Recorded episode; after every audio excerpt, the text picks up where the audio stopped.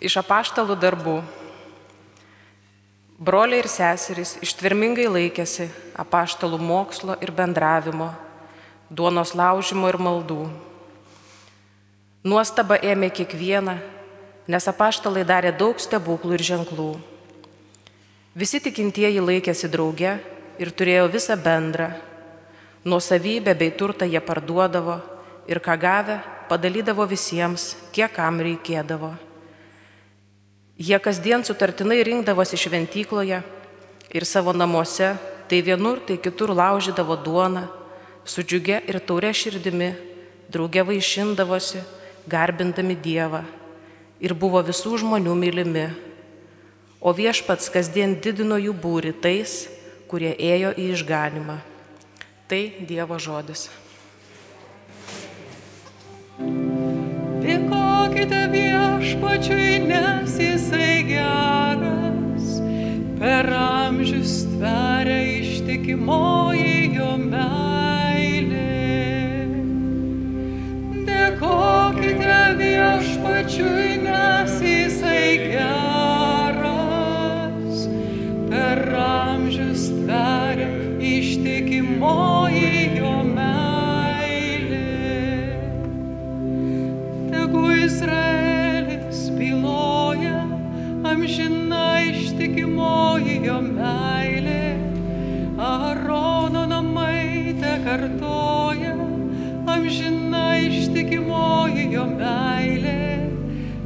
Sako visi, kas pagarbiai viešpaties bijo, amžina ištikimoji jo meilė. Dėkokite viešpačiui, nes jisai geras, per amžius tveria ištikimoji jo meilė. Nuožmiai mane jūs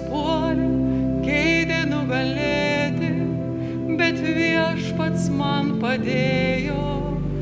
Viešpats mano drąsa ir galybė, jis mane išvadavo.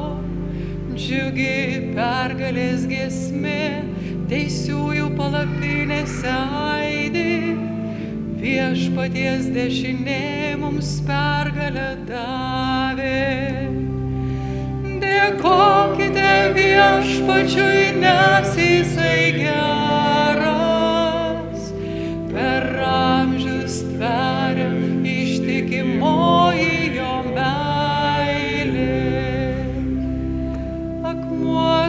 statytojai atmetė, kertinių akmenių tapo, taip viešpaties yra padaryta, mums tai reginys nuostabiausias.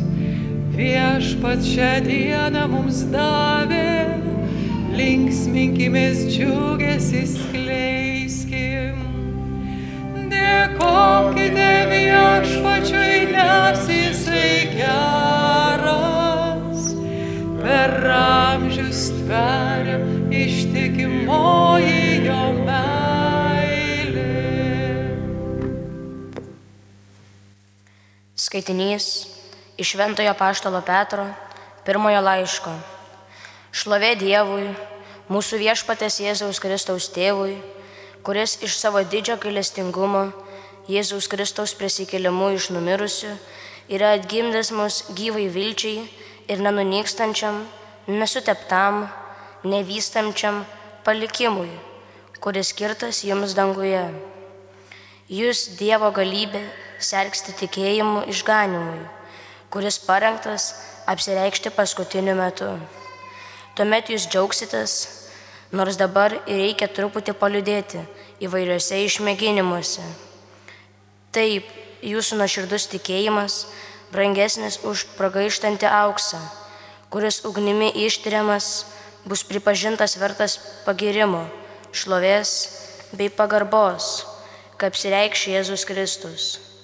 Jūs mylite jį, nors ir nesate ją matę, tikėdami jį, nors ir neregėdami, džiugaujate neapsakomu ir šlovingiausiu džiaugsmu, nes žinote, gausite tikėjimo siekinį, sielų išganimą. Tai Dievo žodis.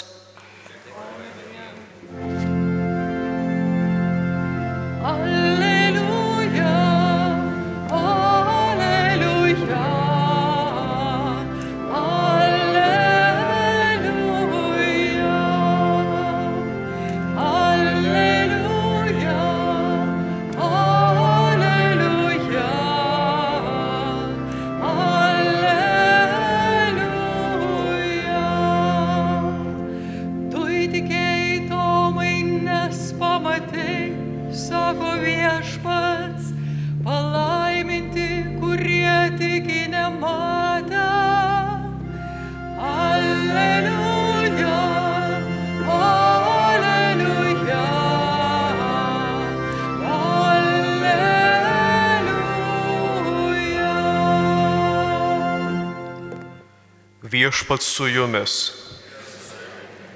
Iš Šventojios Evangelijos pagal Joną. Tos pirmosios savaitės dienos vakare, durims, kur buvo susirinkę mokiniai dėl žydų baimės esant užrakintoms, atėjo Jėzus, atsistojo viduryje ir tarė ramybė jums. Tai pasakęs jis parodė jiems rankas ir šoną.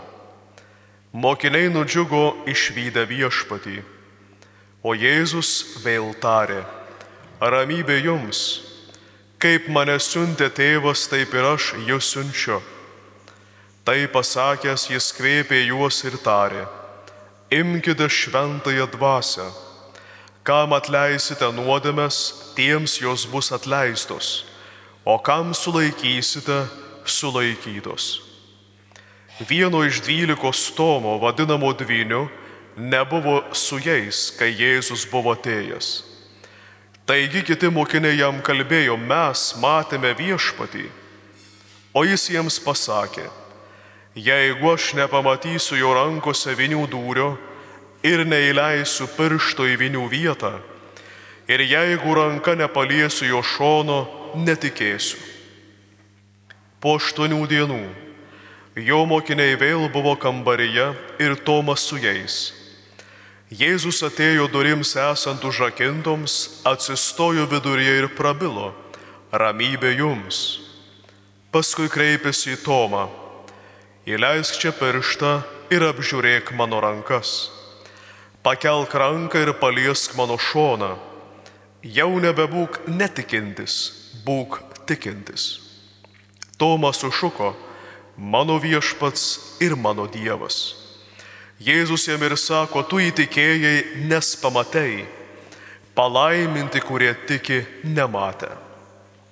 Savo mokinių akivaizdoje Jėzus padarė dar daugel kitų ženklų, kurie nesurašyti šitoje knygoje. O šitai yra surašyti, kad tikėtumėte, jog Jėzus yra Mesijas, Dievo sūnus ir tikėdami turėtumėte gyvenimą per jo vardą. Tai viešpatie žodis.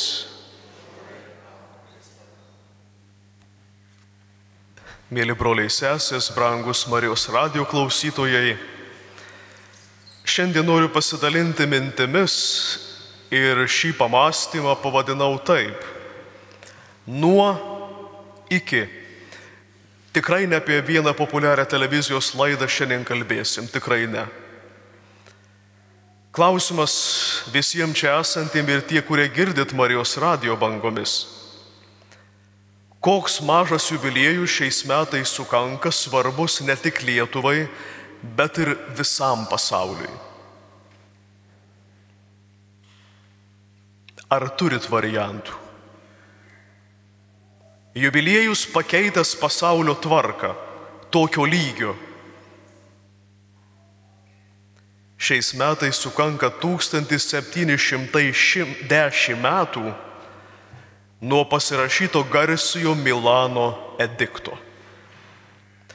Nuo įvykio, kaip sakiau, padalijusio pasaulio žmonijos gyvenimą į romėnų pagoniškąją ir krikščioniškąją Europą.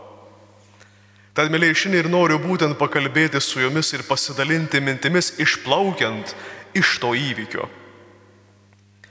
Evangelijoje mes randame pagal Joną užrašytus Jėzaus žodžius. Jei mane persekiojo, tai persekios ir jūs. Pagoniškasis romėnų pasaulis anuomet krikščionyse matė pavojų. Nes krikščionys buvo kitokie. Nebijojo priešintis kabutėse viešajai nuomoniai, kuri tuo met valdė. Nepakluso regėtojams, stabų dirbėjams, pagonių pranašautojams. Ir labai dažnai jie būdavo apšaukiami bedieviais, nes negarbino daugybės dievų, kai buvo įprasta tuo met, nesilankė orgijose ir pašėlusiuose šventėse. Dar daugiau, jie nesutiko nusilenkti imperatoriaus atvaizdui ir garbinti jo kaip Dievo. Piktų liežuvių netrūko, apšaukė valstybės priešais, kaltino didžiausiais nusikaltimais. Dar būdamas kartu su savo mokiniais Jėzus perspėjo, kadangi jūs ne pasaulio, bet aš jūs iš pasaulio išskyriau, todėl jis jūsų nekenčia. Randame žodžius Evangelijoje pagal Joną. Turbūt galime sakyti, kad nelabai tie pagoniškiai išminčiai domėjosi, ką skelbia krikščionys. Štai Tacitas sakė, jog tai pražutingi prietarai kabutėse. Prieš juos kalbėjo ir stoikai, ir epikūrai, ir neoplatonininkai Vieniems buvo nesuprantama krikščionių kankinių tvirtybė, kitiems pats Kristaus mokslas atrodė kabutėse kaip klaidžiamas debesimis. Kaip galime net minčioje vietoje pirmojo laiško korintiečiams, kur parašyta, žydams papiktinimas, o pagonims kvailystė. Taip raidiškai išsipildė krikščionių gyvenime šie žodžiai. Iš tiesų, mėlyje, krikščio viešoji nuomonė buvo nukreipta prieš krikščionis. Ir reikėjo didžiulės politinės valios, kad prasidėtų masiniai persekiojimai. Reikėjo tik kibiršties, kad kuris susprogdintų visus šmeištus, sukurtų stereotipus apie krikščionis. Ir iš istorijos žinome, ta kibirštimi tapo garsusis Romos gaisras. Neronas apkaltino krikščionis padegus Romą. Niekad krikščionys nebuvo mylimi, jau tai paliudija istorija. Nes pagoniškoje kultūroje jie atrodė nesugyvenami ir nelankstus, buvo netolerantiški, nes tengiasi išlaikyti ištikimybę dieviškai tiesai. Tuomet valstybinė sistema nesugebėdavo įveikti beginklių krikščionių jėgos, kurie net nesipriešindavo eidami kentėti. Tai gal ir privedė prie kardinalių pasikeitimų valstybėje tuometinėje, kuriuos pradėjo garsusis imperatorius Konstantinas. Istorikai ir šiandien dar suka galvas ir neranda atsakymų iš tiesų, kas privertė tą garsų imperatorių Konstantiną pakeisti savo nuomonę apie krikščionis. Ir įdomu, ar tai buvo vien tik politinis žingsnis, ar iš tiesų Kristaus tiesos pamilimas. Nežiūrint nuomonių gausos, mes nesužinosime tikrojo argumentų ir atsakymo. Tik yra viena aišku leisdamasis į kovą ant savo vėliavų iškėlė kryžių, tikėdamas Dievo vedimu. Tai buvo, tūkst... tai buvo 313 metai, kada Milane buvo parašytas ediktas, dovanojantis laisvę krikščionims. Iš tiesų, mėly, žvelgiant į tą didžiulį dviejų tūkstančių metų beveik krikščionių nueitą kelią, į kainą, kurią teko sumokėti už tikėjimo laisvę, darosi šiek tiek graudoka. Kaip greit ta kaina praranda savo vertę ir mūsų, kabutėse krikščioniškoje Europoje. Lengva ranka iš mūsų bendros konstitucijos vietoj Dievo ir krikščionybės savoko atsirado laisvės, demokratijos ar įstatymo viršenybės pasaulietiškos paradigmos, kurios tikrai neatstoja Dievo ir krikščioniškos Europos pamato.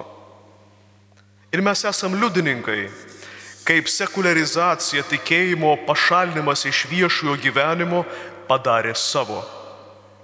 Juk dauguma europiečių šiandieną net nesistengia sekti Kristaus Evangeliją, nes jie labai sėkmingai pakeičia kabutėse vartojimo kultūrą. Dar labiau, kuo toliau, tuo labiau ta krikščioniškoji žinia tampa svetimkūnių ir mūsų visuomenėje ir vis labiau skamba nepakantumo krikščioniškai žiniai balsai. Tikėjimas išstumiamas iš viešo gyvenimo, paliekant teisę būti tik privačiai pamaldžiais. Daryk, ką nori savo namuose, tikėk, ką širdis geidžia, bet tavo pažiūros negali trukdyti. Atrodytų gražu, Bet kaip gali būti gražu, kai krikščionis yra verčiamas gyventi pagal taisyklės, kurios yra svetimos dieviškai tiesai, jo tikėjimui. Šiandien mums bandoma pasakyti, kad yra norma negimusios gyvybės žudimas, eutanazija ar kitokios sąjungos, kurias bando įstatymų raidėjai teisinti. Bet visa tai krikščioniui svetima. Ir viso to neprimdamas ir šių laikų visuomeniai gali tapti rakštimi. Šio laikinio sekularizmo logika labai panašiai tuo metu Romos kultūra. Daryk, ką nori, bet privalai nusilenkti naujiesiems dievukams. Ir kaip dažnai tikėjimas Dievu, rėmimasis jo žodžiu įvardymas tik kaip privati nuomonė, kuri nieko nereiškia Turbūt ir jūs, mėly klausytojai, ir čia dalyvaujantis gyvai šventose mišiuose, skaitėte ir viešoje erdvėje paskelbtą žinią apie vienos Suomijos parlamento narę, kuri per teismus gina teisę cituoti šventą įraštą viešai ir vadovautis tą, tą gyvenimo knygą savo gyvenime. Dar daugiau galim sakyti labai dažnai, rėmimasis Dievo žodžiu skaitomas kaip nemadingu, ar netgi pašiepima kaip neišprosimas. Jau netgi daiktų įvardymas savais vardais dažnai sakoma nesuderinamas su žodžio laisvė ir vadinamas žmogaus teisų kabutėse pažeidimu. Vis daugiau galime išgirsti atvejų, kai laisvės sąlygomis turime lysti į katakombas, nerodyti viešai savo tikėjimo negyventi viešai pagal jo žinę.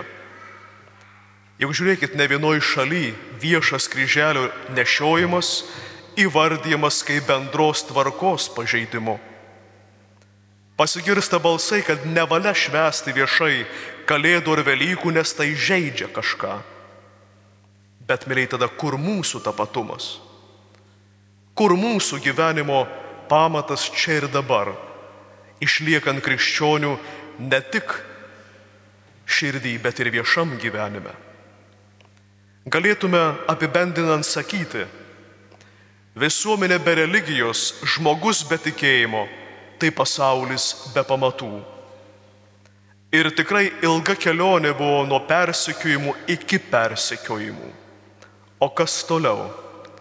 Ką mums daryti galėtume tinkamą klausimą kelti? Ir atsakymą mums padiktuoja pats Jėzus. Reikia eiti ir reikia skelbti dieviškąją žinę. Užbaigti noriu amžinos atminties popiežiaus Benedikto XVI mintimi, kuri labai gražiai apipavydalina visą, ką iki tol pasakiau. Mums reikia grįžti prie Dievo, kad žmogus būtų žmogumi. Amen.